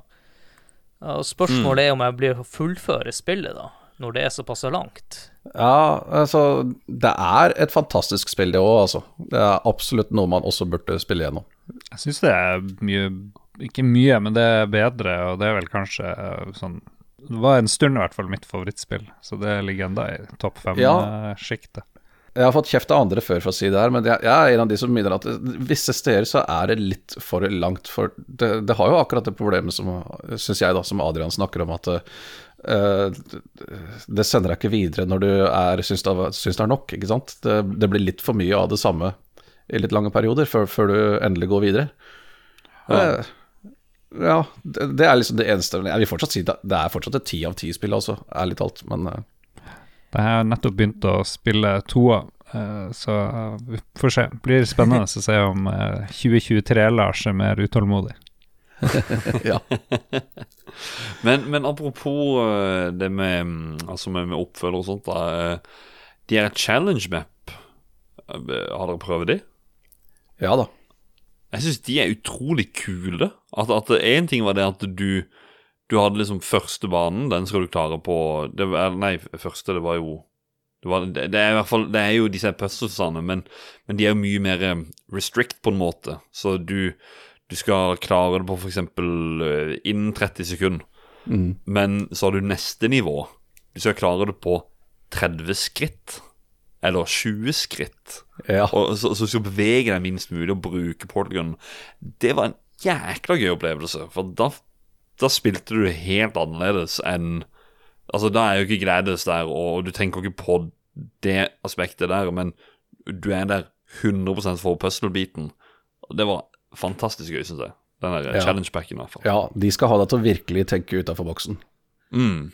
Som, eh, det er også en ting de belønner andre steder, eller i selve spillet òg. At uh, spillere som faktisk eh, tenker utenfor boksen og, og klarer å bryte sekvensen og ved å skippe store deler av et puzzle. Veldig ofte så lot de, lot de den alternative løsninga bare være. At uh, ok, spillere som var glupe nok til å finne ut det, de, ja, de fortjener det. Da, da har de skjønt konseptet, de trenger ikke løse puzzlet. Ok. Det er, det er en tre-fire sånne steder i spillet hvor de bare har valgt å la, la, la en sånn løsning eksistere. Ja, for den, er, den, den ene er sånn at du eh, I spillet så er det egentlig gulv over hele greia. Og så er det da eh, Du skal da ha en companion cube oppå en sånn knapp, og så skal du stå på den andre. og så teleportere deg gjennom. Ja. Eh, I den challenge-versjonen så er det sånn her eh, Er det sånn syrevann, eller hva det er for noe, sånn som du da dør i. Så du må hoppe på alle plattformene. Og det det er noen nivå opp der, ja. Ja. I hvert fall når du skal inn på hvor mange skritt du har lov til å bruke også. Men det er jo en kjempebra ting til folk som virkelig setter pris på det spillet her og har lyst til på en ekstra utfordring, så det er jo også en bonus. Nå som jeg spilte for første gang, jeg satt ikke igjen med følelsen at det her var et gammelt spill på noen som helst måte. Så Nei. jeg, vil anbefale alle som ikke har spilt Portal, eh, til og med jeg som ikke er en sånn kar som liker puslespill, så det var en fantastisk opplevelse. Og det er ikke langt heller, og det er deilig å kunne spille et spill fra start til slutt på en kveld. Og de har jo oppdatert det underveis, Ja, med sånne små detaljer her og der. Det er kommet en RTX-versjon nylig, f.eks. for eksempel. Men eh, jeg tenker på eh, Litt før Portal 2 skulle komme ut, så gjorde de en liten endring på slutten i Portal 1 for å, for å tilpasse den eh, Portal 2. Og eh, det er jo helt på slutten, når, du har, når Glados er blåst til helsike og du ligger på bakken ute, og alt er bare ruiner rundt deg. Vel, originalt så fada bare spillet ut der mens du lå der. Hvis du husker nå, så spiller du det nå, så kommer det jo en sånn robot og robotstemme, og du blir plukka opp Ja. og, og dratt av gårde. Det var, ikke, no- den var ikke det, det var ikke sånn originalt. Det bare fada ut mens det lå stille. eh, Opprinnelig. Ja, jeg, jeg tror ikke de hadde sett for seg den suksessen heller. Som Nei. sagt, eh, når de skulle prøve å markedsføre spillet, så var det lite eh, folk som eh, viste engasjement til det. Så det er ikke Og- sikkert at eh, Portal hadde vært et spill i dag hvis det ikke hadde blitt kommet gjennom Orangebox og bare vært et uh, spill som kommet utenom. Stemmer. Det, mange fikk det nok inn bare fordi de skulle kjøpe Half-Life 2 og Team Fortress 2. Ja, og det var gratis. ja. Eller gratis gratis, men det fulgte med. Det tror jeg hjalp på. Med det så vil jeg bare nevne helt på slutten her eh, er jo musikken. Det er ikke så mye musikk og sånne ting, men det er litt sånn stemningslyd og sånn, og det her er laga av Kelly Bailey. Og Kelly er faktisk en mann, ikke dame. Og helt på tampen av episoden, når vi er ferdig med episoden, så blir vi å spille den avslutningslåta som mange av dere kjenner til. og og den er laga av en kar som heter Jonathan Colton. Og grunnen til at han lagde sangen her, var fordi at han var fan av Half-Life. Det var det som gjorde at han eh, hadde lyst til å lage en låt der da, til spillet. det er en koselig låt. På, Ja, det er jo det. Litt sånn, sånn festlig. Uh, ja, bare gled dere til å høre den. Ja, det, altså, all- alle har hørt den. Altså, den, den gikk Ja. jo som en farsott det- i den tida etter Portal kom ut. Mm. Den var overalt. Folk laga alskens mulig rare videoer med, med den sangen i bakgrunnen. Jeg husker, jeg husker den veldig godt fra TG, faktisk. Ja. Ja. Men det er jo Glados til- som uh, synger, synger en artig sang, uh, 'Still Alive'. Det, det tyder Ja. jo på at Glados er still alive, på et vis, Ja. kanskje. Men er hovedpersonen Hva skjer med hovedpersonen? Er, det virker liksom ikke helt avklart hva som skjer med deg. Spiser kake. Vel, der har du det, da. Det, den opprinnelige slutten antyda jo at du, du var fri, eh, og bare og skulle gjøre hva du ville. Det var, det var over, ikke sant. Men så kom den endra slutten, da, hvor du blir plukka opp og slept inn i anlegget igjen, tydeligvis. Så Det er bare Du ligger der ute, skal hjem og spise ostekake. Dette skal bli godt. Men det er egentlig en prestasjon av hun Ellen MacLean å, å synge den sangen, egentlig. For du, du skal synge, ja, samtidig som du skal ha den robotstemmen som Glados eh, har. Og det, det var en utfordring, men eh, hun, hun, fikk det, hun fikk det til. Ja, og utrolig dyktig. Men Ja. før vi skal høre denne fantastiske låta, så, så har vi noen spalter til vi skal gå gjennom, og den første er lytterspalten. Wow.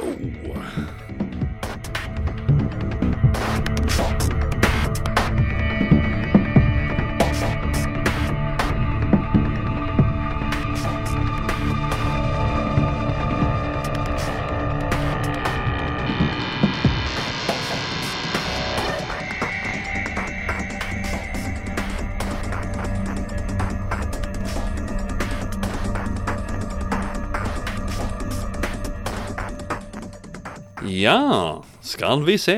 Lytterspalte, lytterspalte, lytterspalte. Eh, Adrian, du var inne og spurte på Spillcommunity, eh, altså Facebook-gruppa Spillcommunity og Discord-kanalen eh, om Ja, om folk har noen minner fra spillet, eller om de har noe de ønsker å dele om Portal. da. Vi begynne inn på Facebooken. Der står det Kristoffer Karlsen fra eh, Sp Spilluminati.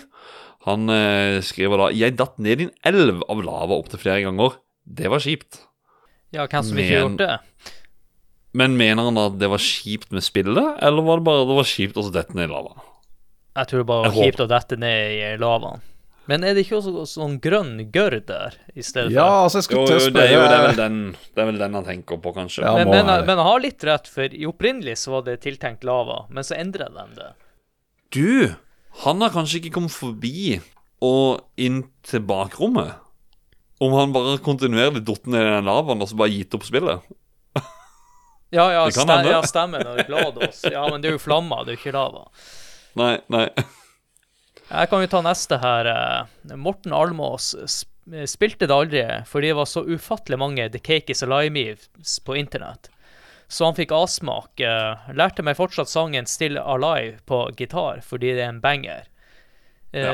Nå håper jo Morten Almås at du faktisk har lyst til å teste spillet og sjekke Og at du kanskje har hørt på det jeg har sagt, at pause episoden, gå og spille det, kom tilbake. Martin Gjesdal han skriver da fantastisk og banebrytende spill. Eh, Spiller det på eh, spiller det på ny og på ny og koser meg nesten like mye hver gang. Tenkte det ville være umulig å lage en oppfølger til, men Portal 2 er jo også ganske knall. Eller, ja, det er knall, ikke ganske knall, det er knall. Det er bra han eh, sier akkurat det han sier, for der er kanskje litt av en annen oppfatning. Det er det som kanskje også er utfordringen med puslespill. Er at når du løser puzzlen én gang Hvordan er det når du skal spille på nytt? Du får ikke en samme overraskelsesmomentet hele tida. Det eneste du kan gjøre, er jo å prøve å tenke ut andre måter å løse den samme puzzlen på. Ja, eventuelt. Ja. Det speedrunneren i meg sier bare 'Håkon, dette her skal du runde kjappest mulig'. Så, så når jeg runder det én gang, så blir det ikke det samme. Da skal jeg bare portal, portal, portal hele tida. Så, så jeg tror det kan jo være en måte å drive det fram på, men å bare Ja. spille det slow-paced eh, for meg Jeg vet ikke GLaDOS og alt det der eh, inntrykkene, de vil jeg aldri få igjen med en ny eh, gjennomspilling, rett og slett. Spørs hvor lenge du venter, da, tenker jeg. Ja, Nå selvfølgelig. når jeg spiller Nå når jeg kjører Portal 2, så har jeg jo glemt alt, eh, stort sett. Ja. Det har ikke noe med alderen å gjøre. Eh, jo da. Men jeg kan anbefale, anbefale en gjennomspilling med den der Developers eh, Commentary Oden Ja, på, for eh, det er mye interessant bakom-informasjon du får der, altså. Bare Mm. synd at jeg ikke gjorde det før vi skulle spille inn episoden. her. Det hadde jo hjulpet på. Men kanskje det har blitt for mye informasjon i selve episoden. Vi prøver jo å tone oss ned litt, sånn at ikke folk blir dødslei oss, at vi har for lange episoder. Eh, neste jeg holdt på å si mann ut, men her er faktisk en kvinne. Eh, Kit Granholt. Irriterende bra spill. Mm. Men ja, irriterende bra, for det var, det var noen ganger jeg kan være irritert, men eh, latterlig bra. Ja. Audun Selsvold. Fantastisk da, og fantastisk nå. Den nye versjonen med raytracing ser knall ut. Mhm. ja, den må man jo kanskje teste når man har glemt det litt. en Ja. gang i framtida. Eh, Nestemann ut er Tom Jørgen Bastiansen. Tror faktisk det ikke er mulig å bli lei det spillet. Et nydelig spill, og til og med et spill hvor toeren levde opp til forventningene. Genialt. Amen. Og jeg skal si det litt høyt, siden Kristoffer Get the Boys Hansen skriver det med capslock. Kaken er en løgn!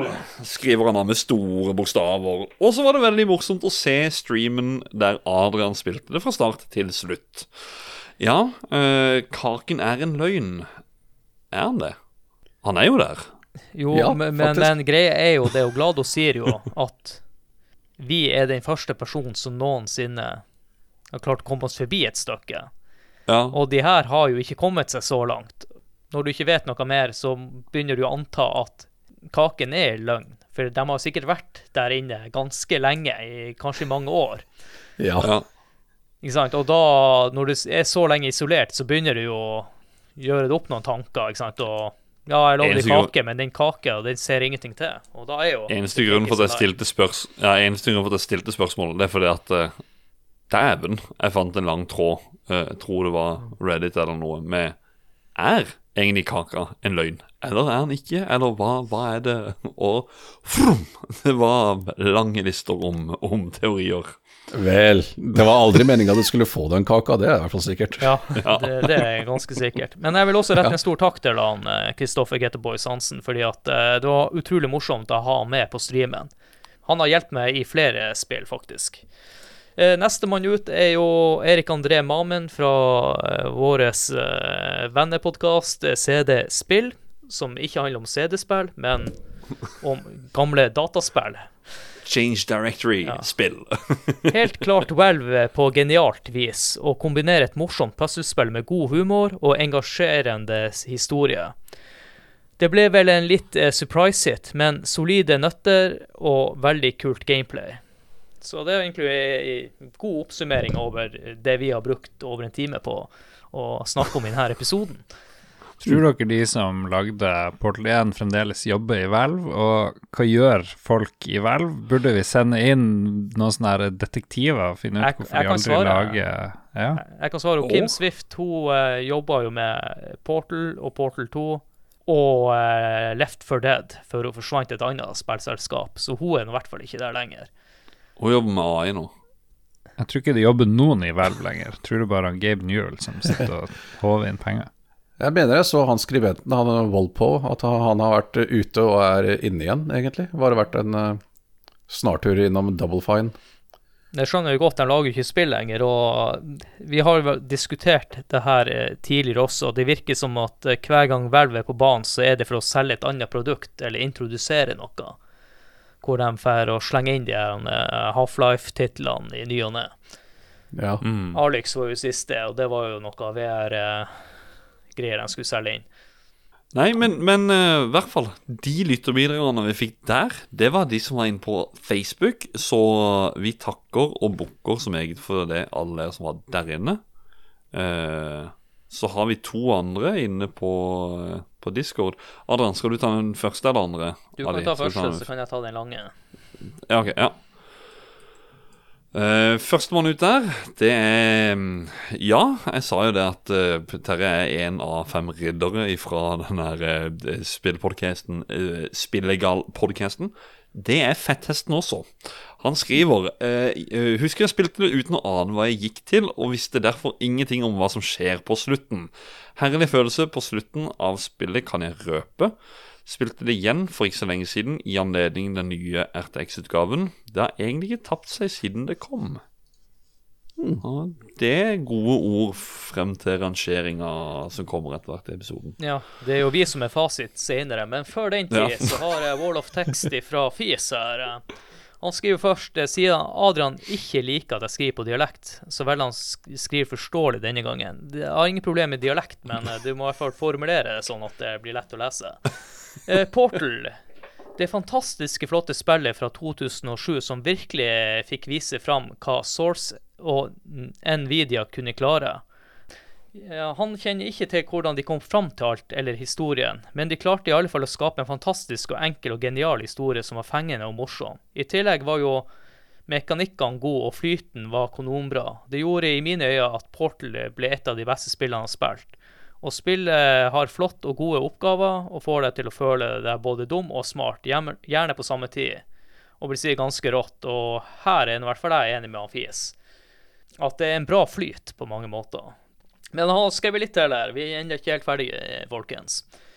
Det er egentlig ikke så mye å si om spillet utenom at det er bra og er et must play, og det er jo enig med det. Vi fikk eh, hun og en fantastisk oppfølger noen år senere, som inkluderte Coop og Customs Map. Og den episoden gleder han seg veldig til, for da får plutselig historien en litt dypere mening, og spillet har flere avanserte oppgaver som må løses. Og jeg gleder meg til å spille det. Gjør jeg også, og um, det blir nå en Portal 2-episode. Det gjør så det. fortvil ikke. Men det som også er gøy, Håkon, det er jo at eh, vi skal jo rate Portal. Er du klar for det? Ja, og så skal jeg bare si takk til Fettesten, eh, og Fis for å kommentere inn på discorden også. Og så går vi over til rating av Portal 1.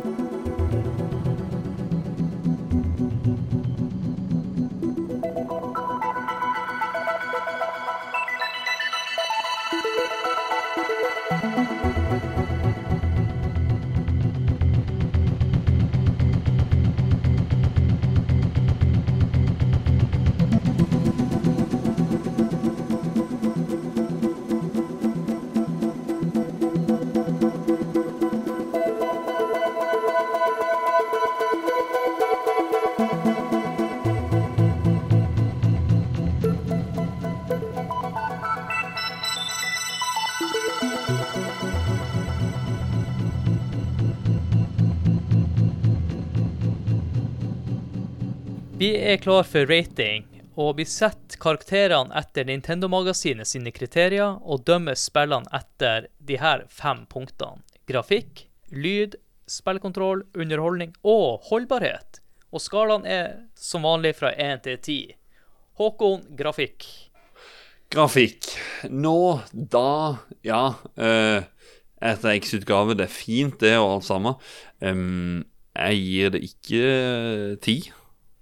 Eh, Source-grafikken uh, har vært litt Eller Source Engine har jeg også vært glad i, så jeg, jeg lander på en uh, 8,5 av 10. Det er jo bra. Hæ? Ja, Ja, ja. veldig overkommelig. Og, ja. Men det er komma involvert her òg. Ja, det ble det etter han Kenneth Jørgens fra Nerdcast eh, ødela systemet vårt. Så Jeg skal det- komme syv! Ja, for meg så har jo grafikk mest med design å gjøre, og hvis det samtidig flyter greit, så, så takler jeg det meste. Og design her eh, Du kommer aldri til å glemme Hvis du ser noen som lager sånn Portal level, så kommer du til å huske det. Companion Mm. Cube eh, ser fantastisk ut, og Nei, det er veldig, veldig mye bra. Så jeg, jeg slenger meg på eh, godeste Pontis. Men eh, kanskje jeg går for en ren åtter, da. um, okay. I systemet her. Ja. Terje, du som er glad i lange avhandlinger. Nå skal du ikke ha en lang avhandling. Hva du vil gjøre? Det er eh, egentlig mye ekko her. Jeg er enig i at eh, designmessig så er eh, det er top notch. Det er fantastisk design på, på dette her. Sånn. I forhold til Amiga så er det litt dårligere. Ja, litt. Men det er nesten der oppe. Men ok. Så øh, Men det har dratt på åra sånn øh, grafikkmessig ellers. Altså teksturene er det ganske lavoppløste øh, på mange ting. Særlig gjenstander du sitter og ser på som står på pylter rundt forbi og sånt. Og så, eh, ja, men designet, fantastisk. Så jeg også havner på en åtter. Åtte. Da skal jeg gi høyest karakterer, for jeg er en sucker for det her Source Engine-grafikken og alt det der, så jeg gir det en nier. Wow. Ja. Lyd, Hågon. Lyd Ja, det, ja, ja det, det, det er veldig lite lyd i, i, i spillet. Og musikken som er der, er festlig. øh, stemmen til Gladders, som har Jeg sliter med altså å ikke gi det ti, egentlig. For det er liksom Ja, lyd Nei, ja, det, det er ti. Det er, turrets, alt sammen, Jeg bare Ja, det er bare Ja. Jeg gir den ti. Lars. Jeg sliter litt her, for jeg spilte på Switch uten noen headphones eller noe, og vet ikke om jeg hadde så mye lyd på absolutt hele tida. Ja Jo, jeg hadde vel lyd. Et stillespill. Ti. Nei da. Ja. Nei, jeg hadde jo lyd. Jeg måtte jo høre Glados. Ehm, nei, jeg vet da faen. Skal det, det er kun fordi jeg ikke hørte ordentlig etter og sånt uh, på, på alt. Kanskje mm, ja, 7,7. Ja. 7,7. Lucky seven. Ja. Grete Derje. Ja, Uh, nei, ste stemmeskuespill og alt sammen er jo fantastisk. Og selvfølgelig Stilla Live-låta er jo helt topp.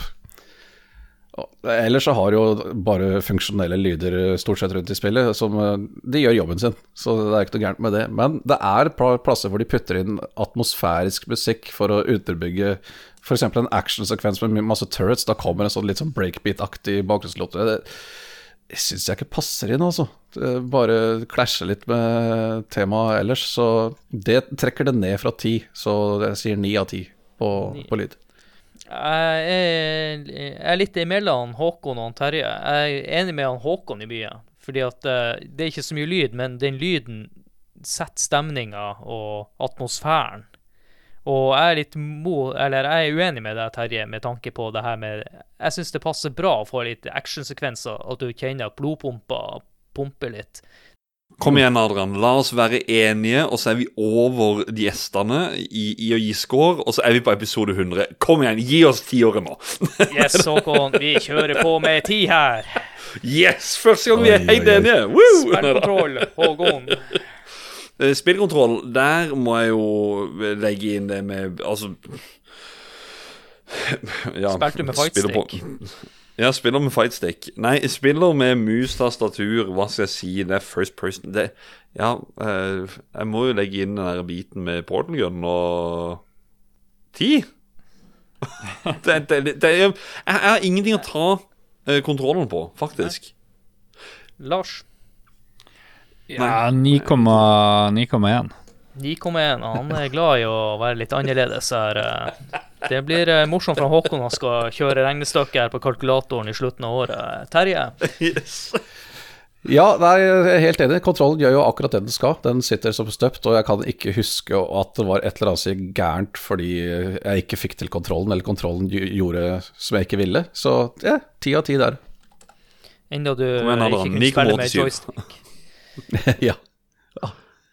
For meg så tenker jeg at det her er egentlig et bra spill, og som Terje sa det om at hvis du ikke har spilt 3D-spill før, så kan du bli litt sjøsjuk. Eh, For min del så eh, føler jeg at det her er et bra spill å introdusere folk for sånn her type spill, da.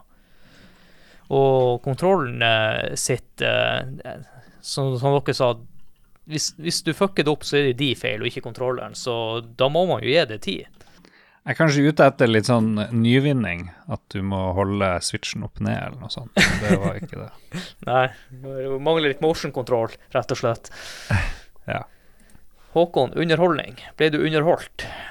Hadde vi hatt muligheten til å gi liksom en elver én gang i Vi skal ikke begynne med noe golden buzzer i, her i Nei, spill. Der, der setter jeg foten. Ja, ja, ja, ja, ja. Kunne vi gitt en golden buzzer, så hadde dette spillet fått akkurat den. Kan, jeg, kan jeg gi det 10,1? Altså, Nei, jeg ja. får uh, Nei, nei, nei. nei. Det, får, det får en tiår. Det gjør det, altså. Lars, ble du underholdt? Nei, jeg skal ikke være vanskelig, det, det er helt supre kontroller. Men jeg gleder meg til å liksom sammenligne ene og to da. Eller Ja, men underholdning. det kan vi kjøre nå. Men. Ja, det kan vi ikke gjøre nå. Nei, vi får gi det ti, da. Ja. Ikke 9,9. Ja, det er bra. Eh, Terje, ja, nei, dette er en soleklar og enkel tier. Underholdning er det, er det er så godt skrevet og så godt spilt, og puslene er fantastisk designa, så det går ikke an å si noe på det. Jeg skal også gi det en tier, men eh, neste punkt blir litt annerledes for min del. Eh, Håkon, holdbarhet.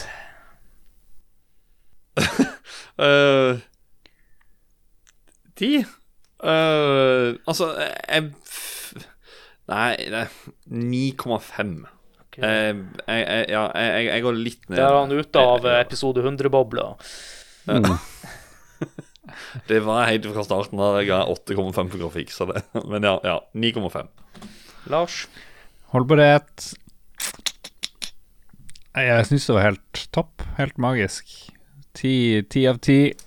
og desken Lars øverst der på høyest oppe på holdbarhet. Eh, Terje, Ja, det er fortsatt en tier. Det er eh, like interessant å spille i dag som eh, det var før. Har du aldri spilt Portal før, så er dette fortsatt et helt unikt konsept som vil føles nytt. da Så ja. skal jeg være partypooper her mens eh, det lyset i, eh, i eh, kaka enda brenner litt, før Glados slokker den. For meg Jeg hadde en fantastisk spillopplevelse. Jeg er veldig glad i grafikken, lyden, alt. Alt bygger opp mot en tier. Men det er det her puzzle-aspektet. Vil jeg på tredje, hvis jeg runder spillet for tredje gang, ha den samme opplevelsen som jeg spilt igjen for første gang? Det tror jeg ikke. Men er det målet at du skal ha samme opplevelse? Det er jo umulig. Ja, det er umulig, men, men det, det handler litt om eh, puzzles. Du vet jo hvordan du løser det. Du, du får ikke den samme utfordringa. Men på andre sida igjen, så kan jeg motargumentere meg sjøl. Det er jo det han Håkon var inne på. Nå kan jeg hente karakteren min bli skrudd opp her. Er jo fordi at du kan jo sette sjøl egne mål med å løse oppgaver på en annerledes måte. Ja. Jeg hadde egentlig kanskje tenkt å gå ned på 8,5, men uh, jeg, jeg kjører en 9,5 her, Håkon. Dæven. Ja, altså, jeg, jeg, helt ærlig så kan, kan jeg egentlig si at jeg, jeg ga 9,5. For jeg, jeg tenkte sånn Det er vel noe altså, altså, Etter å ha sagt 9,5 Jeg står på den. Så jeg, egentlig, det er jo egentlig en tiår. Men, men eh, gjort er gjort, sagt er sagt. Sånn er det. Jeg, Jeg tenkte mer sånn på det at eh, er det fortsatt bra for en som spiller det for første gang i dag? Ja, det var det. Ja, det er fantastisk. OK, Håkon, vi setter en tier på oss, og fuck it. eh. OK, da er det 10, Bordet 10, 10, fanger 10, 10. Altså, eh, ellers, så må du bare, ellers så må du bare la det gå ti år mellom hver gang du spiller det. Så Ja, Så ja. du- så du hiv glemmer på alle puzzlene. litt demens og litt sånne ting i, tillegg, så Ja, får ja, ja, den ja. samme følelsen hver gang. Men eh, det vi har gjort nå Nå har vi arrangert dette spillet, og dette skal sammen med andre spill være med på årets siste episode, som er Game of the Year. Og da skal vi komme frem til årets spill, eh, hvor jeg da rangerer alt det vi har gitt i totale scorer, og så ser vi hva som blir årets spill. Dette her er jo en god kandidatserie, så det Ja, vi får se. Før vi skal plugge vår podkast, så tenkte jeg, Terje, du kan få lov til å plugge det du holder på med nå. ja, uh, Spillegal-communityet, som jeg har vært en del av i eh, 20 år og vel så det, har funnet ut å starte eh, en podkast som blitt nevnt et par ganger, heter Spillegals podkast. Og den har gått siden eh, september. Jeg har fått kommet opp i flere og 20 episoder nå. Spilt inn episode 27 ny- nylig, vel. Ja. Så ja, der uh, bare prater vi uh, en stund om uh, spilla vi har spilt i det siste. Vi uh, er ikke så flinke til å begrense oss. Vi prater ganske dypt og inngående ofte om uh, spilla vi har spilt i det siste. Og så velger vi oss et tema for uh, den episoden som vi da sitter og har en rundt bord-diskusjon om. Og det resulterer fort opp i en sånn to timers episoder. Så Og det er Ja. gøy. Ja, og vi, øh, vi er ikke spesifikt en retro-podkast, men vi er ikke spesifikt en sånn ny Sightguist-podkast heller. For øh, når vi prater om det vi har spilt i det siste, så har vi spilt akkurat hva vi føler for. Vi bryr oss ikke om at det må være det nyeste og siste og ha meninger om det nyeste hotte. Sjøl om noen av oss har jo selvfølgelig også noen ganger spilt det nyeste hotte, så eh, Ja. Nei, nei, nei, det er det som jeg liker å kalle en generelt alle podkaster. Om er gamle, nye eller eh, hva nå enn av spill. Så lenge det er spill, så er det spillpodcast. yes. Så det er gøy. Da, sjekk, oss, sjekk oss gjerne ut. Og Lars, vi samarbeider jo med dere. Du Ja, ja, er jo under LOL-bua. Jeg må jo anbefale Lolbua. Vi er på episode 400 Nærmest nærmer oss eh, 500. Ja. Det har holdt på en stund. Um, etter vi hadde mye, mye besøk fra de som nå er ragequit, så er det stort sett eh, Mats Rindal Johansen og Jon Cato Lorentzen og meg sjøl, pluss Philip, som er superreserve, som driver og streamer masse greier for tida. Veldig, veldig flittig på det. Og vi prøver litt nye spill. Vi kjørte gjennom Advance Wars 1 og 2-remaken i forrige uke. Vi har testet nye Tesla-grad, eh, gjorde vi. Og nyeste episoden der er det masse fra Enemy Gameplay, som var en av de første episodene vi, vi hadde for 10-11 år siden. Jeg vet ikke hvor lenge vi har holdt på eh, nå, snart. 2013 er vel det tiår? Ja, det, jeg må finne ut, Dæven, kanskje tida flyr. Tida flyr. Jeg har hørt på, jeg har hørt på den podkasten siden episode 130-140 ca. Det var vel da jeg ble introdusert for han. Så det, det har vært noen år med lytting også. Det har det. Jeg har hørt siden 2015, tror jeg.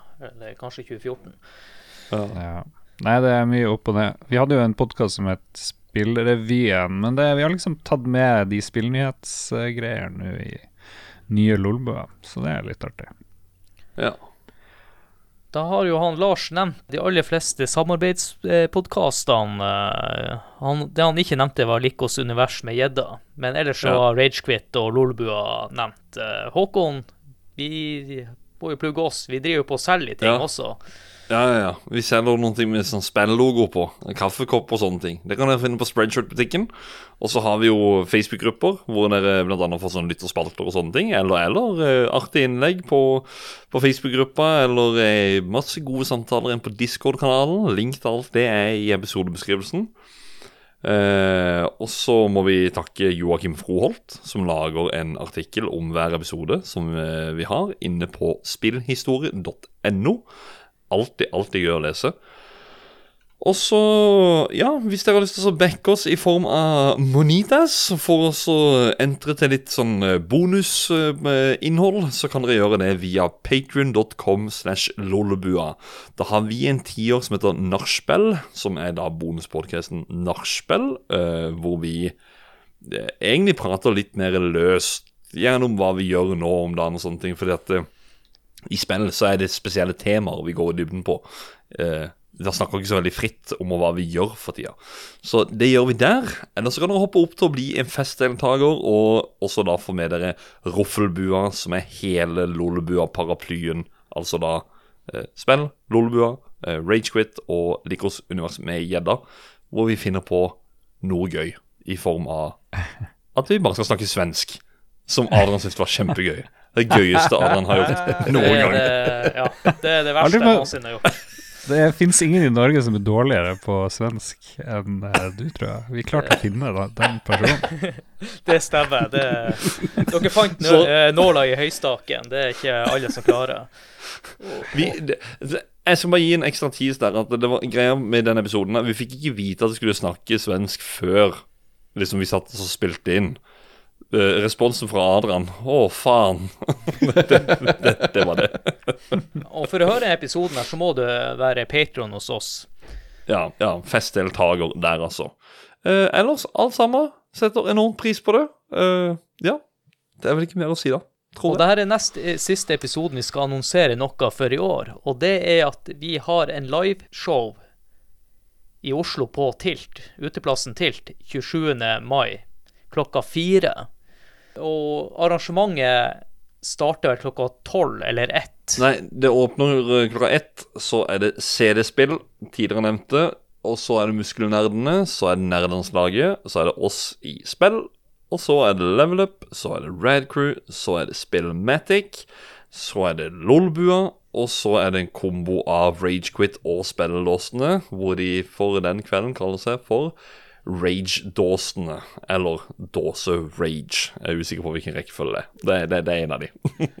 Jeg og Håkon eh, vi blir å være der i løpet av hele kvelden etter vi hadde eh, liveshowet. Og vi skal også prøve å få til noe dagen før.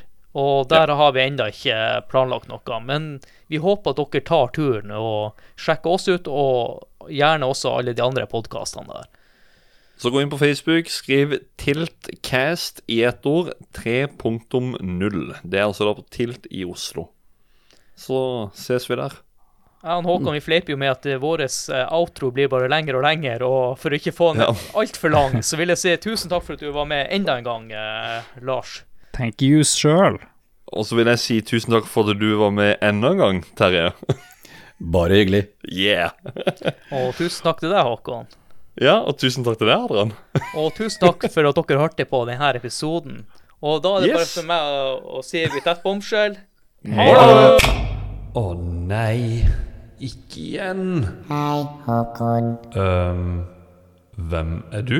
Husker du ikke hva som skjedde i Among us-episoden? eh nei. Men, men hvor, hvor er Adrian, Lars og Terje? De har aldri vært her.